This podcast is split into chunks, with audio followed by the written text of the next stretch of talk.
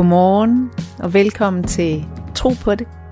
Mit navn er øh, Anja Stensi, og øh, sammen med min producer, Sati Espersen, skal vi til i gang med vores åndelige brevkasse, hvor øh, jeg, så godt jeg kan, øh, vil besvare nogle af de spørgsmål, I har sendt til os. Spørgsmål, som øh, kalder på et, et svar, hvor, hvor vi har trosperspektivet og sjælsperspektivet med.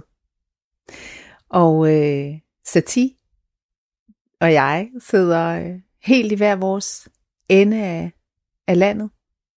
Sati, du sidder oppe i Aalborg. Ja, og det er simpelthen den smukkeste forårsdag, vi optager på.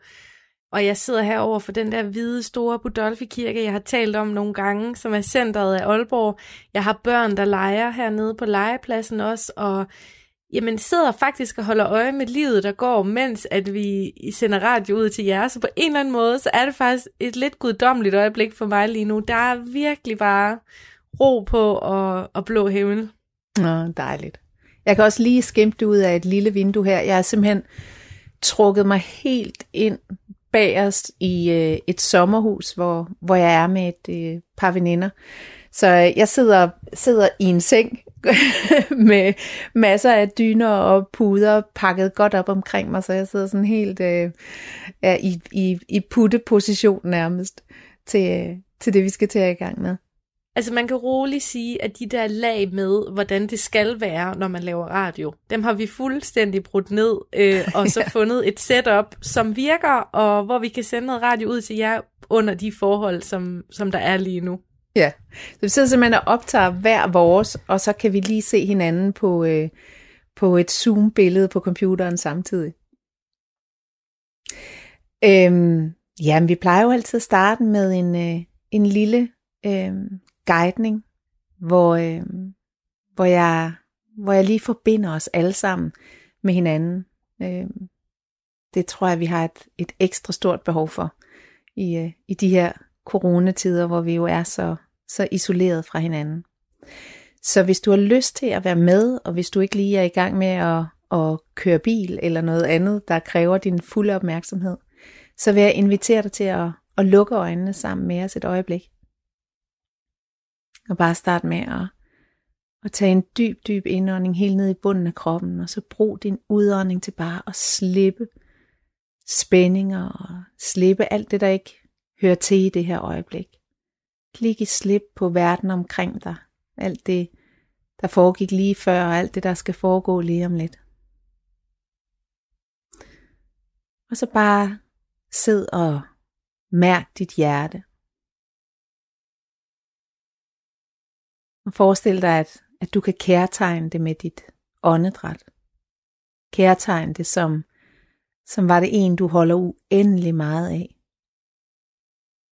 Og se om du kan fremkalde en, en ømhed i dit bryst. En følelse af, af kærlighed. og så forestil dig, at der ud fra dit hjerte springer tusindvis af lysende tråde. En lysende tråd, der forbinder dit hjerte med mit hjerte. Dit hjerte med Satis hjerte når dit hjerte med alle de andre hjerter, der sidder og er med lige nu. På tværs af rum og på tværs af tid, uanset hvornår vi lytter til det her. Så vi alle sammen igennem de her lysende tråde er er forbundet til hinanden på kryds og på tværs. Og så prøv at forestille dig, at du kan bruge de her tråde til at, og sende den kærlighed og, og ømhed, du har i dit hjerte, ud til alle de andre. Og måske kan du ikke mærke den, måske kan du bare sende en intention om kærlighed afsted. Så hver gang du ånder ud, så sender du kærlighed fra dit hjerte til alle de andre hjerter. Og hver gang du ånder ind, modtager du kærlighed fra dem alle sammen tilbage igen. Så prøv bare at sidde sådan lidt og træk vejret. Og giv og modtag. Og mærk, hvordan oplevelsen af kærlighed kan vokse med hver eneste gang du giver, og hver eneste gang du modtager.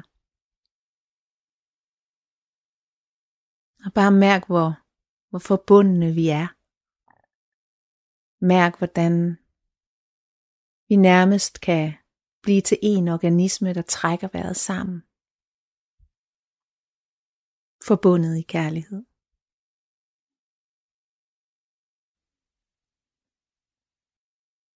Og så bare stille og rolig vend tilbage og åbne dine øjne.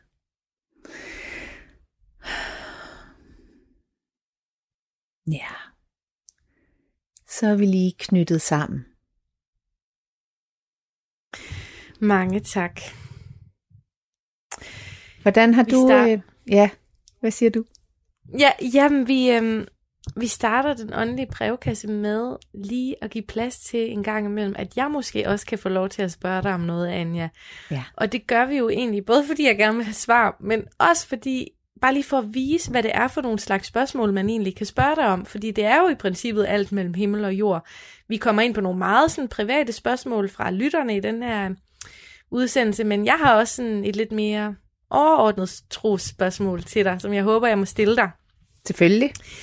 Og nu talte jeg om, øh, om kirken før, og det er faktisk øh, kirken, som det, det tager udgangspunkt i det her spørgsmål, fordi jeg bor jo lige over for en kirke, og jeg elsker kirker, øhm, og jeg tager altid i kirkers dørhåndtag, for lige at se, om jeg kan stikke hovedet ind og få et øjebliks ro, hvor end jeg er i verden. Øhm, og her i Danmark, der har jeg oplevet et hav af gange, altså måske hundredvis af gange, at døren er låst til kirken. Og det er noget, som jeg tit har stået med en knyttet næve op i himlen og bandet øh, over, fordi jeg synes faktisk, det er et kæmpe problem, mm. at, øh, at kirken har åbningstider, og at når man har brug for kirkens rum, så er der tit øh, låst, og så en eller anden irriterende plakat med, hvornår de åbner igen. Øhm, og det har jeg bare gået med i mange år tænkt på. Så det kunne jeg egentlig godt tænke mig at høre. Hvad tænker du om, at kirken tit er låst? Jeg, jeg har fuldstændig den samme oplevelse som dig. Jeg lover dig, jeg har stået mange gange og, og hævet i, i låste kirkedøre. Øhm, og jeg synes, det er så trist. Og, og sådan som jeg husker det, så var det heller ikke sådan i min barndom. Altså, øh, det kan godt være, at jeg tager fejl, men, men jeg husker det som om, at, at før i tiden, der stod kirkedøren åben. Øhm, og jeg synes, at, øh, at kirken ved at have de låste døre mister enormt meget af, af sin berettigelse. Selvfølgelig har den stadig en berettigelse, men, men, men for mig er kirkens rum først og fremmest et sted, hvor jeg har mulighed for at, at gå ind og fordybe mig øh, i min relation til Gud. Et sted, hvor jeg oplever, at øh, jeg tror måske, fordi der i det rum er bedt så mange bønder, og fordi der er blevet ragt ud øh, igennem hundredvis af år tit, at, at øh, oplevelsen af Guds nærvær kan være enormt stærk i de rum. Og det er det, det er det i mine øjne, der er kirkens øh, største berettigelse, at der er det sted, hvor vi kan gå hen og bare mærke forbindelsen øh, til Gud, og hvor vi kan øh, knæle og bede en bøn, når, når livet er svært, øh, hvor vi kan dele vores, øh, vores sorger øh, med Gud, et sted, hvor, hvor vi bare øh, føler nærværet endnu stærkere, end vi måske gør hjemme i stuen. Så øh, jeg, jeg synes næsten, det er en tragedie. Øh, og i det hele taget, så, så er jeg ked af øh, den måde, øh, øh, hvad kan man sige, kirken, kirken historisk har, har udviklet sig. Øhm, fordi jeg synes, øh, den danske kirke er med hele øh, sådan vores overgang til protestantismen og sådan er blevet blevet ribbet øh, for øh, for for det mystiske, altså blevet ribbet for for for det formål der hedder her mærker vi Gud, og fokus er blevet lagt over på på ordet og på den mentale forståelse og på øh, ja, altså en meget mental tilgang til, til Gud. Øhm, og, og faktisk så er det jo også sådan i, i Danmark, at man behøver ikke engang at tro på Gud for at blive præst. Øhm, der er jo uendelig stor forskel på, på præster, og der findes rigtig, rigtig mange vidunderlige præster derude, der formår at give øh, oplevelsen af, af Guds nærvær. Så det er slet ikke en kritik øh, af, af alle præster eller af hele kirken på den måde. Øh, men, men, øh, men jeg tror, at, øh, at en af grundene, en af hovedårsagerne til, at vi oplever den her øh, flugt fra, fra kirkerne, det er, at, at det element, hvor det handler om at mærke Gud, er, øh, er svundet så meget ind, øh, at det er blevet, øh, du ved, en, en moralsk lærer eller en etisk lærer, som man kan gå hen og blive forelæst øh, i. Og jeg er bange for, at, øh, at, at det bare kommer til at fortsætte. Altså jeg er bange for, at det kommer til at langsomt til livet af, af kirkerne, at, øh, ja, at, øh, at det er det, der er, der er kommet, kommet i fokus. Og det er jo også det, vi på en eller anden måde ser udtrykt i, at de er, at de er låst af. Øhm, at det, som er vigtigt, det er det, præsten står og, og siger fra prædikestolen om søndagen. Øhm, ja, så det, det er sådan min umiddelbare øh, respons på det. Det jeg lige har sammenlignet med, som jeg også har nævnt nogle gange, det er jo, at jeg er gift med en marokkaner. Ja. Øhm, og det jeg oplever i Marokko, det er, at moskéerne er altid åbne. Altid. Som et helligt, meditativt sted, hvor du kan gå, der, gå hen når som helst på dagen og få ro. Øhm, og hvis du dækker dig til, som det foreskriver, så kan du komme, uanset hvad du tror på også. Ja. Øh, man skal selvfølgelig vaske sine fødder, og man skal gøre nogle ting og sådan noget. Men man kan komme der for at mærke Gud, og der er altid åbent. Og det er sådan ja. lige det, jeg har sammenlignet med. Og hold da fast, hvor har jeg bare manglet det mange gange her hjemme i Danmark. Altså, jeg bor over for en kæmpe kirke, som næsten altid er låst. ja, det er paradoxalt, ikke? Ja. ja. Men tusind, tusind tak for svar, Anja. Hvis I andre har et spørgsmål, som Anja skal svare på, så kan I sende en mail til tro radio4.dk. Og det kan virkelig være alt mellem himmel og jord. Her kommer der et lidt andet spørgsmål, som er fra Iver. Hej, kære Anja. Hvad tænker du om helvede og satan? Selv tror jeg, det er noget, vi skaber selv i sindet. Fra Iver.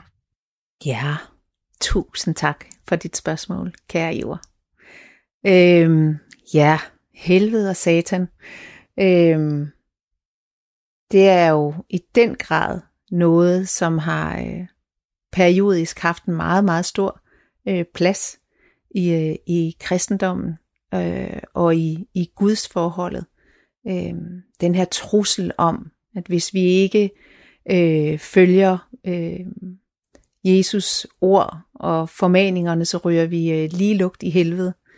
Øh, og nogle begreber som jamen, som, som, øh, som kirken jo har brugt helt aktivt øh, til at, at afpresse folk, altså til at, at få os til at, at spytte i katten og betale aflad og øh, alle mulige horrible og ekstremt ukærlige ting, som har meget, meget lidt at gøre med øh, Jesus og det han øh, prøvede at lære os. Øhm, jeg oplever også, Ivar, at, øh, at, at det er noget, som, som hører vores, vores indre oplevelse til. Øhm, helvede er jo, hvad kan man sige, himmerigets modsætning. Og min definition af, af himmeriget øh, er ikke noget, som, som ligger uden for os selv. Øh, det er ikke et sted, vi kommer hen, hvis vi har opført os godt øh, på den anden side af livet. Himmeriget er, som Jesus selv siger, altså Guds rige er inde i dig. Og sådan som, som jeg oplever det, så er Guds rige den tilstand af Guds nærvær, som vi alle sammen er i stand til at få adgang til. Det er en, en tilstand, som, som vi kan opnå igennem et, et åbent hjerte. Øh, og det er en tilstand, hvor når vi, når vi, det er en tilstand, hvor, sådan som, sådan som jeg oplever det, hvor vi er så fuldt, øh, vi giver vores sjæl så fuld tilladelse til at være til stede i os, og fylde os ud og fylde os op, at hele vores perspektiv ændrer sig. At vi pludselig ser verden gennem kærlighedens øjne. At vi ser verden gennem hjertet. Og når vi gør det, så genkender vi Gud i hinanden. Når, når vi er i den, når vi ser verden fra det perspektiv, så kan vi ikke skade andre. Så kan vi ikke påføre andre mennesker smerte. Så ser vi i andre mennesker forbi alle de her lag af personlighed og handlinger og øhm, når jeg ser et øh, når jeg ser et et menneske som som hvad kan man sige er i verden på en uhensigtsmæssig måde et menneske som påfører andre smerte et menneske som opfører sig øh, horribelt så, så det jeg ser, det er ikke, det er ikke ondskab.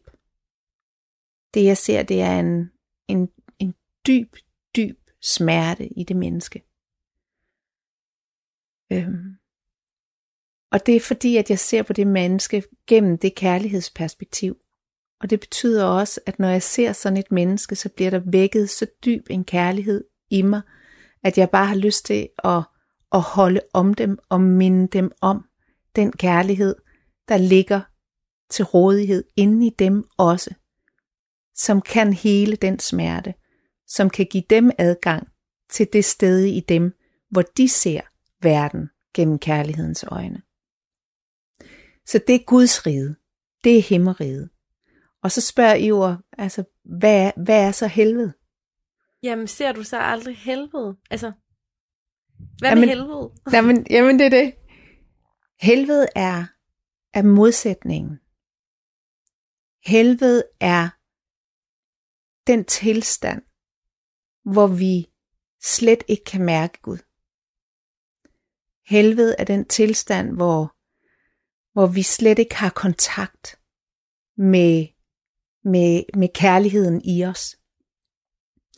Øhm, da jeg øhm, for 10 år siden blev ramt af en, af en en meget øh, svær depression, så vil det være, det vil være min definition på helvede, fordi faktisk noget af det, som gjorde det til så smertefuldt et sted at være, var, at jeg slet ikke kunne mærke Gud. At det, jeg følte mig så alene. Det ligger i helt i kernen af, af depressionen, den enorme følelse af ensomhed. Øhm, som, som jeg oplever som en, en smerte, der, der skyldes, at vi på en eller anden måde er, og af en eller anden grund er blevet afkoblet, øhm, og har mistet adgang til det sted i os selv. Og derfor har vi det af helvede til. ikke? Øh, det, er, det er helvede for mig. Og, og så spørger I om, om, om Satan øhm, som en modsætning til Gud tænker jeg, at, at det er sådan, at det begreb er blevet præsenteret. Øhm, og som, som sagt, så jeg tror ikke på ondskaben som en, en, en selv, altså som, et, som et selvstændigt væsen, eller som noget, du kan være. Men Gud er alt. Gud er alt. Så Gud er øh, rummer øh, alle aspekter af alting. Så det rummer også altings modsætning. Gud, øh, Gud er både øh, kærlighed og, og had. Øhm, mm, ja, så, så for mig kan, kan ja, jeg ved slet ikke, hvor jeg skal placere Satan. Andet end som, øh, jo, altså det, det jeg kan se Øh, altså hvis vi taler om for eksempel øh, Jesus, der, der vandrer i, i ørkenen i 40 dage og bliver fristet af Satan, så er det jo det, han bliver, bliver fristet af. Det er, det er den del af ham selv, som er optaget af, øh, af det, som ikke nødvendigvis er det højeste bedste. Øh, den øh, del af ham selv, den meget menneskelige, menneskelige del af ham selv, som, som også kalder på kærlighed og omfavnelse, som vi slet ikke skal demonisere. Øh, der, der er i spirituelle traditioner øh, Øh, tit sådan en, en meget stor, et meget stort fokus på, at, at egoet skal udraderes og fjernes, og øh, vi skal af med det der ego. Skal vi bestemt ikke. Det er en del af os selv, som, som, øh, som prøver at passe på os, og som prøver at opretholde øh, os selv i den form, vi har nu, så vi ikke udvikler os så meget. Fordi den, øh, vores ego har det bedst med, at tingene er, som, som de er. Øhm, så der, det, det er en del af... og satan, helvede og satan er, er jo også nogle gode begreber til at begrebsgøre en menneskelig oplevelse. Ja, ja, præcis. Af mørke. Ja, og, og, og så, så, så det det er, det er en del af os, som, som øh, byder modstand mod, at vi flytter os for meget. Ikke? Som, som, helst vil, øh, som helst vil status quo. Så, så det er den stemme, der visker os i øret og siger, nej, nej, nej, nej, nej, nej. Øh, ikke, ikke gå den vej. Og det er også den, den stemme måske, som, som øh, er mere optaget af vores øh, basale drifter, end, end, øh, end af hvad der er til alles højeste bedste. Øh, fordi det er det, kærligheden er for mig. Kærlighed er en kompromilløs insisteren på det højeste bedste for alle. Det er min definition på, på kærlighed. Øhm, ja.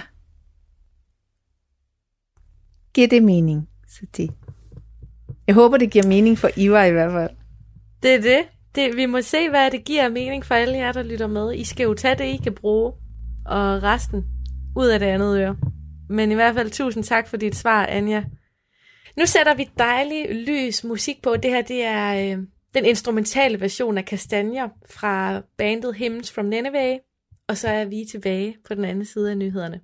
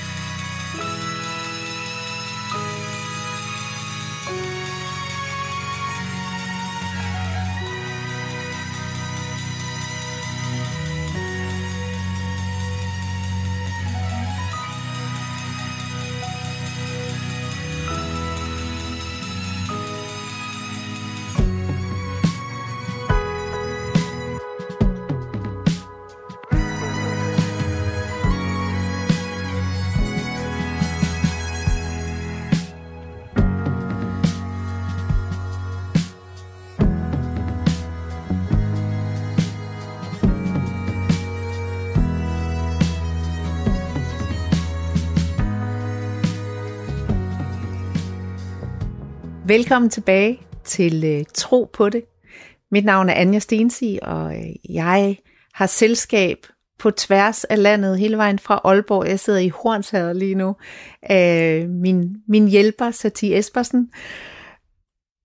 Yes. Vi og tager vi... Øh, det der sammen hver for sig dybt alvorligt. Ja, det gør vi. og vi er i gang med øh, den åndelige brevkasse, hvor øh, vi lige har svaret på et spørgsmål fra Iver, der handlede om, øh, hvad, hvad jeg tænker om, om helvede og satan. Og jeg kom lige i tanker om et, et ekstra perspektiv, jeg godt lige ville have med, fordi øh, vi er så bange for mørket. Øh, og, og Gud er både lys og mørke. Og det er så vigtigt at huske på, at, at ingenting kan eksistere uden sin modsætning. Og at mørket er... Øh, har du nogensinde tænkt over, at alt liv opstår i mørke? Prøv at tænke på, hvor, hvor at hele Big Bang er opstået i mørke. Ja, livmoren er mørk. Øh, livmoren er mørk. Når vi så et frø, der ligger nede i jorden og spiger i mørke, så, så liv skabes i mørke.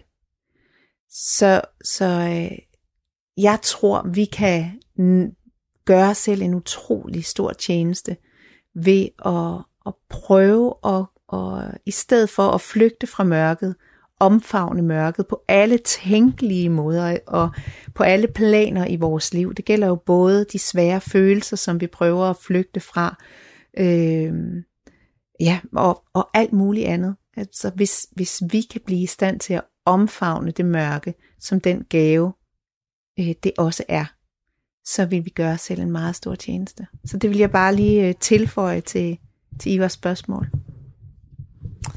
Ja, og du er her på Radio 4, enten i radioen live eller med på podcast, og det er vi så glade for. Vi er også mega glade for de spørgsmål, I sender ind, og i den her omgang, der er det et spørgsmål fra en anonym kvinde, som skriver, Kære Anja, nu har jeg trofast fulgt dig i flere år, og også hørt alle afsnit af Tro på det med dig som vært. Jeg har min lille ugenlige lørdagsrutine, hvor jeg går rundt ved vandet og lytter til dit program som podcast, og det nyder jeg virkelig. Jeg tror, at tiden er kommet til, at jeg stiller et spørgsmål. Det er helt vildt sårbart at blotte mig på den måde, og jeg har taget tilløb i et par uger. Jeg gik ned med dyb stress for nogle år siden. Hele min verden faldt fra hinanden. Mit parforhold gik i stykker, mine venner faldt fra, min familie bakkede mig heller ikke op, og jeg havde heller ikke noget arbejde. Jeg måtte sygemelde mig i mit jobcenter, og det er en meget lang proces med lægelige udredninger. Egentlig har jeg ikke et inhumant jobcenter, men jeg får de mest invaliderende angstanfald af at være i det system. Det føles så forkert. Jeg får helt ekstremt stærke kropslige og følelsesmæssige reaktioner, hvis jeg går over mine grænser eller køb, giver køb på mig selv. Jeg har en meget stærk oplevelse af, at jeg ikke skal den vej, som de fleste vælger i livet. Min sensitivitet fylder mere og mere, og det gør mit forhold til Gud, kærligheden, sjælen osv. også. Jeg ved, at jeg skal leve her på jorden for at dele ud af mine egne erfaringer og visdom. Mit problem er bare, at jeg ikke ved, hvordan jeg får det til at hænge sammen økonomisk. Jeg ved helt ærligt ikke, hvor meget jeg kan holde til at arbejde i dag. Enten foreslår folk mig, at jeg går hele vejen til et flexjob, og så kan jeg dyrke mine åndelige og kreative sider i fritiden uden noget pres. Eller også så kan jeg sætte benhårdt ind på at være selvstændig og tænke salg, strategier, marketing osv. ind i mit sjælelige arbejde. Den helt store udfordring er, at ingen af delene føles rigtigt for mig. Og med rigtigt mener jeg vidderligt, at hele mit nervesystem går amok med stress og angst, så snart jeg prøver at være andre steder end i min sjælelige og meget, meget sensitive boble. Hvordan fik du din rejse til at hænge sammen økonomisk? Jeg beklager, hvis det er for privat et spørgsmål. Jeg har rigtig svært ved at finde min vej i det her, fordi jeg ligesom skal forene min sjælelige rejse og mit livsformål med et sensitivt og stresset nervesystem og en lavpraktisk hverdag med en eller anden form for indtægt. Så jeg vil spørge dig, hvilke konkrete råd du vil give mig i min proces. De kærligste hilsner fra en anonym kvinde. Ja. Yeah. Åh, oh, wow. Øh, tusind, tusind tak for det spørgsmål, som resonerer øh, meget, meget dybt i mig. Øh, fordi det er, altså du beskriver øh, meget præcist øh, den vej, jeg har, jeg har været nødt til at, at gå og, og, og finde min måde at, at, at komme, komme igennem. Øhm, noget af det, som er, er helt vildt svært ved at være øh, der, hvor du er, det er, at der er ikke særlig mange mennesker, der forstår det. Øh, fordi det er helt uden for nummer i forhold til, hvad vi forventer, øh, at, at vi skal øh, kunne, og hvad vi skal gøre, og hvordan man, man har et arbejdsliv. Øhm, det, jeg genkender i mig selv, det er den fuldstændig kompromilløse oplevelse af, at der er noget, vi skal. Og det ufattelige øh, tomrum, frygtindgydende tomrum, hvor det ikke står lysende klart, hvad det er, vi skal. Men det er så kompromilløst, at vi ikke er i stand til at gøre andet. Og jeg er jo selv øh, stået der på en måde, hvor, hvor min mand har været ved at altså, gå ud af sit gode skin af, af frustration over, at han i overvis øh, har været nødt til at være eneforsørger hjemme hos os, fordi det simpelthen ikke var en mulighed for mig bare at tage et deltidsjob, bare for at, at, at, at trække lidt penge hjem.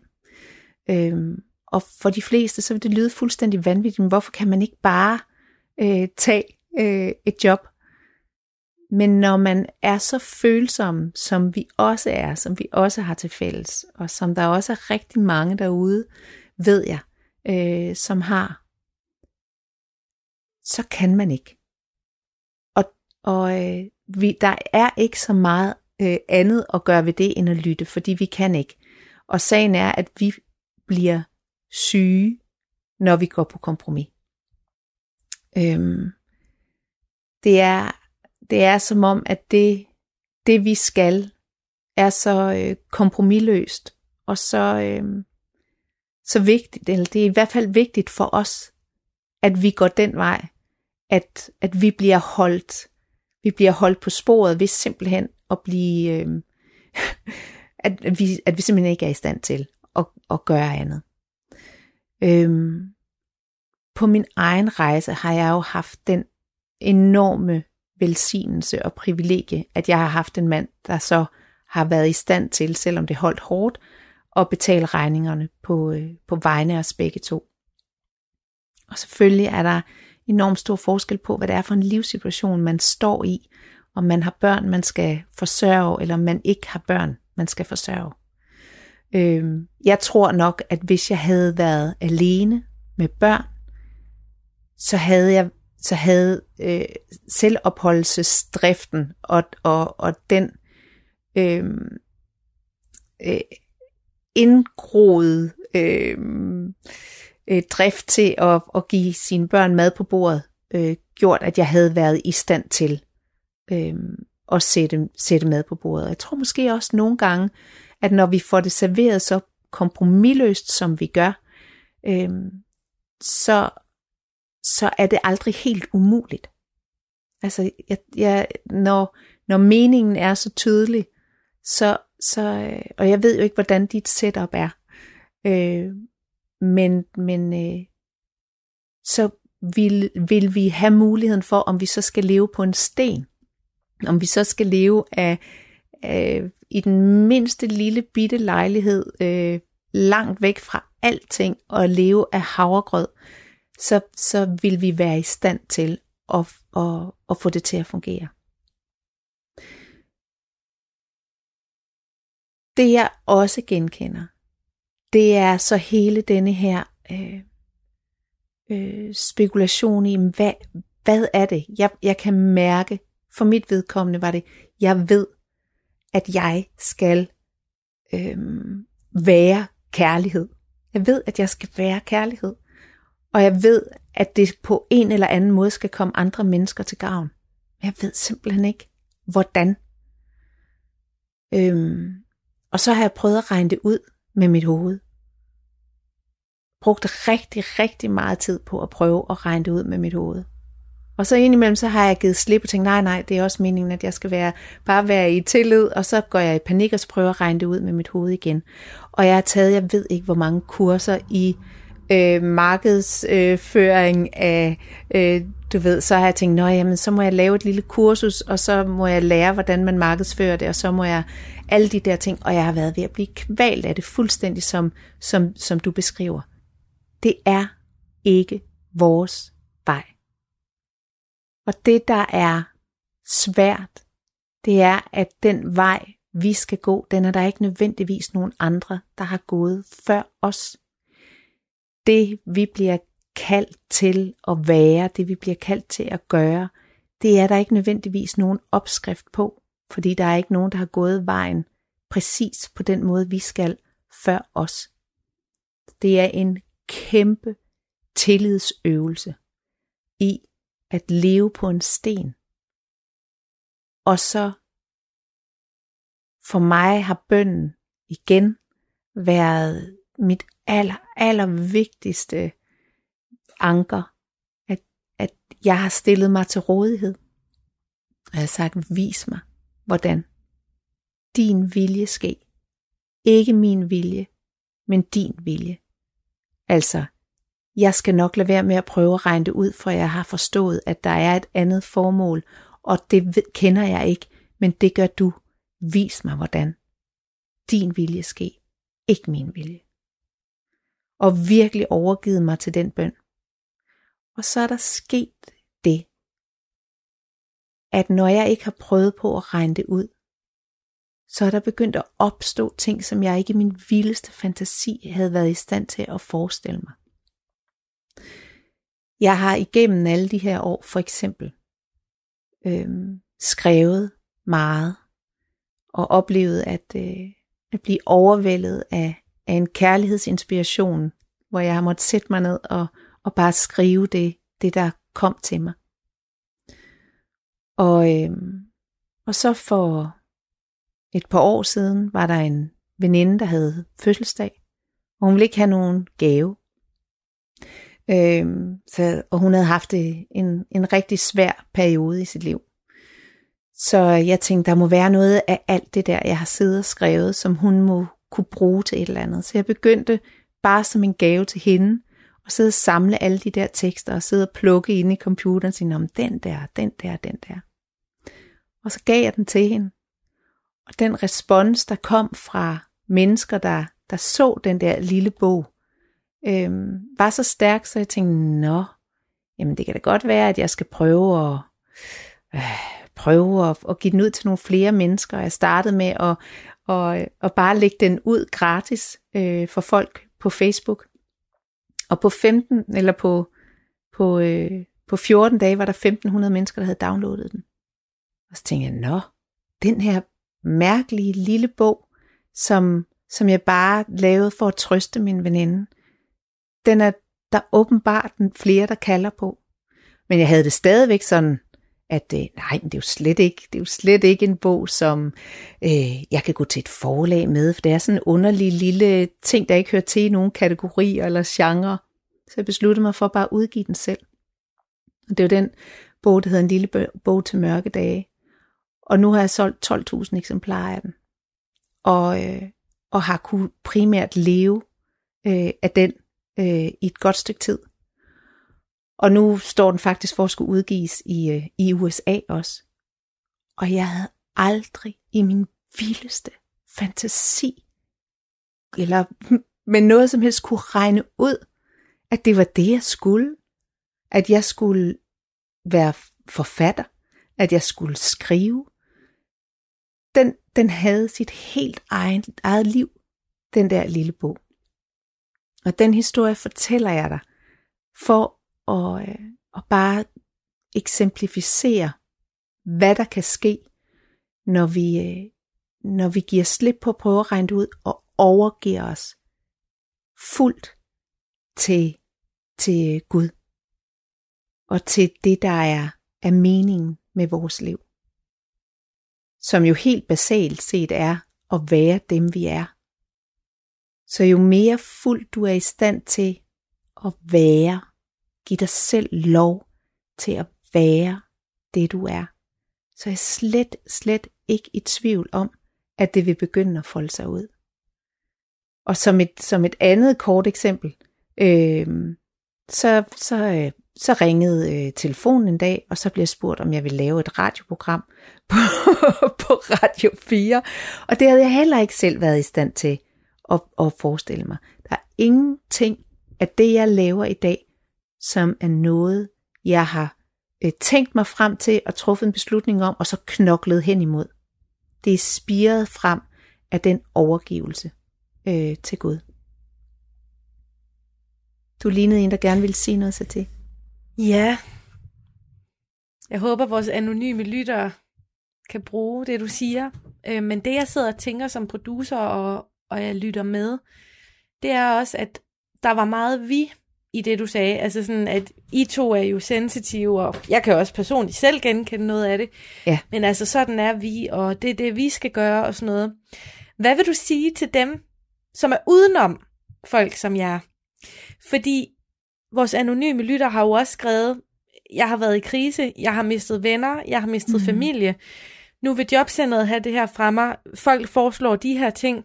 Så der er jo en, en stor omgangskreds udenom her. Og ja. der er lyttere, som også lytter med lige nu, som ikke er lige så sensitive, og som ikke har tænkt sig at gå vejen med det sjælelige arbejde og sådan noget, men som, som også har opgaver her på jorden, og måske bare er en anden type troende. Hvad vil du sige til dem? Altså inspireret af, af det her spørgsmål.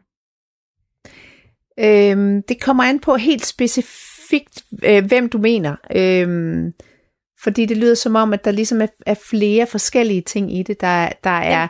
det der med at være, være pårørende til en, der står i det der fuldstændig kompromilløse. Øh, ja. Og så er der de andre, så jeg skal bare lige være sikker på, hvad... Det jeg tænker på, det er, altså, hvis nu at den her anonyme lytter, eller den anonyme spørgers omgangskreds lyttede med mm. i det her svar, fordi de har jo også haft en stor rolle, kan vi høre på det, der bliver skrevet mm. ind, og har en stor rolle i forhold til, at det føles svært hvad vil du egentlig sige til dem og til alle de andre, der lytter med, som måske har sådan en relation med nogen, som er kompromilløse, eller helt vildt sensitive, eller bare nødt til at gå en eller anden vej, der virker helt vildt mærkelig. Hvad skal de, hvad skal de vide? Fordi de kan jo også vokse af det her spørgsmål, tænker jeg. Ja. Jeg synes, det er et svært, øh, jeg synes, det er et svært spørgsmål, fordi det selvfølgelig er øh, meget individuelt, hvad det er for nogle relationer.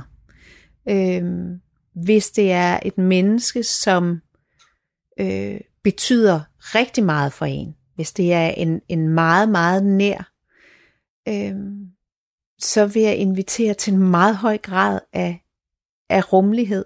Altså, øh, og, og, og jeg kan sagtens forstå, at det er svært at forstå, fordi det falder fuldstændig uden for, uden for normerne.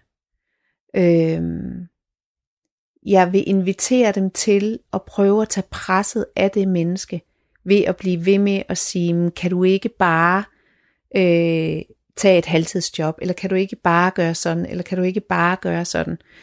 Øhm, fordi det gør det kun værre.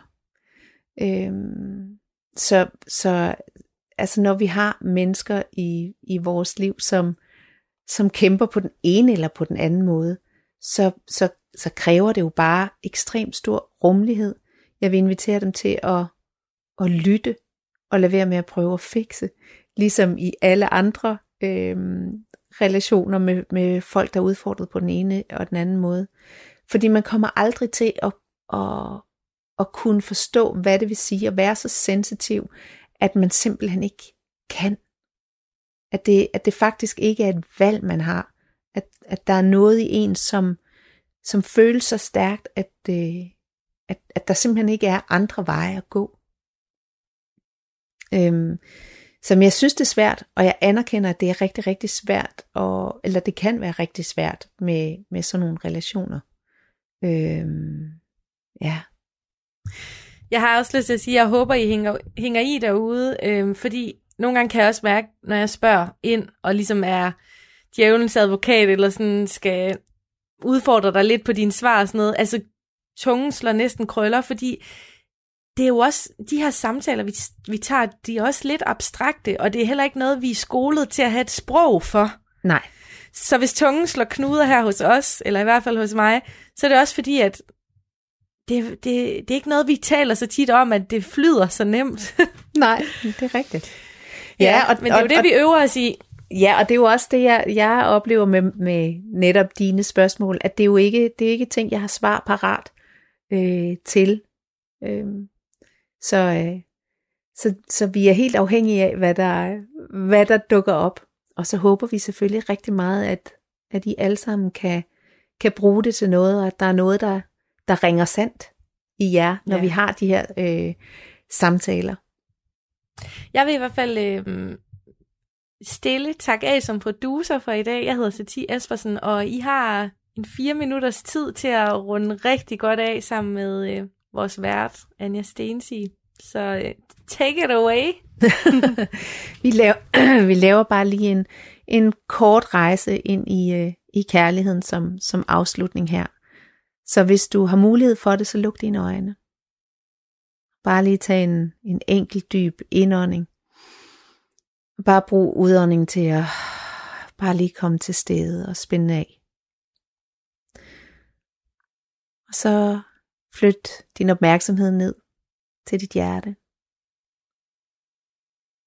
Prøv at kærtegne dit hjerte med dit åndedræt. Kærtegn det som, som var du det en, du elsker inderligt. Prøv at se, om du kan fremkalde en følelse af, af ømhed og hengivenhed og taknemmelighed for det her hjerte, som giver dig livet. Det her hjerte, som er din adgang til selve kærligheden. Og så prøv at tænke på et menneske, eller et dyr, eller en religiøs figur, Gud, en skikkelse, som, som fremkalder kærlige følelser i dig, taknemmelige følelser i dig. Og så prøv at se, om du med dit åndedræt kan, kan forstærke den følelse. Som om du nærmest kunne drikke kærlighed direkte fra den ubetingede kærlighedskilde. Drik den direkte ned i dit hjerte med dit åndedræt. Så bare sid og lad følelsen af kærlighed vokse hjulpet af sted med billedet af, af den skikkelse, som, som kan fremkalde kærlige følelser i dig. Bare prøv at sidde og mærke kærligheden. Måske kan du ikke mærke den, men så bare vide, at den er der. Eller se den for dig som et lys. Og så bare lad den vokse. Og vokse Brug dit åndedræt til at drikke mere ind. Og bare mærk, hvad det vil sige at føle kærlighed. For følelsen af kærlighed er oplevelsen af Guds nærvær. Når du mærker kærligheden, er det Guds nærvær, du mærker. Så bare giv den plads og rum i dit bryst. Og som en sidste ting, prøv at se, om du kan lade den flyde fra dit hjerte ud i verden. Med et ønske om, at den må lande præcis, hvor der er brug for den. Hos dem, der længes efter den og har brug for at blive mødt i den ubetingede kærlighed. Og vend så bare tilbage og åbn dine øjne. Og så slutter vi af med en bøn, som vi altid gør. Så lad os bede. Elskede Gud, kærligheden selv. Jeg beder, at vi i dag må mærke dit nærvær i alt, hvad vi gør. Må vi genkende dig i alt, vi møder og må vi møde hinanden med den genkendelse i hjertet. Må vi bevæge os i verden med hjertet åbent og hjertet først, så vi i din kærlighedsånd lever fra dig og for dig. Vis os hvordan. Amen. Og så vil jeg sige tak til dig, Sati, for endnu en dejlig time. Og til dig, der lytter med derude, Ha' en velsignet dag.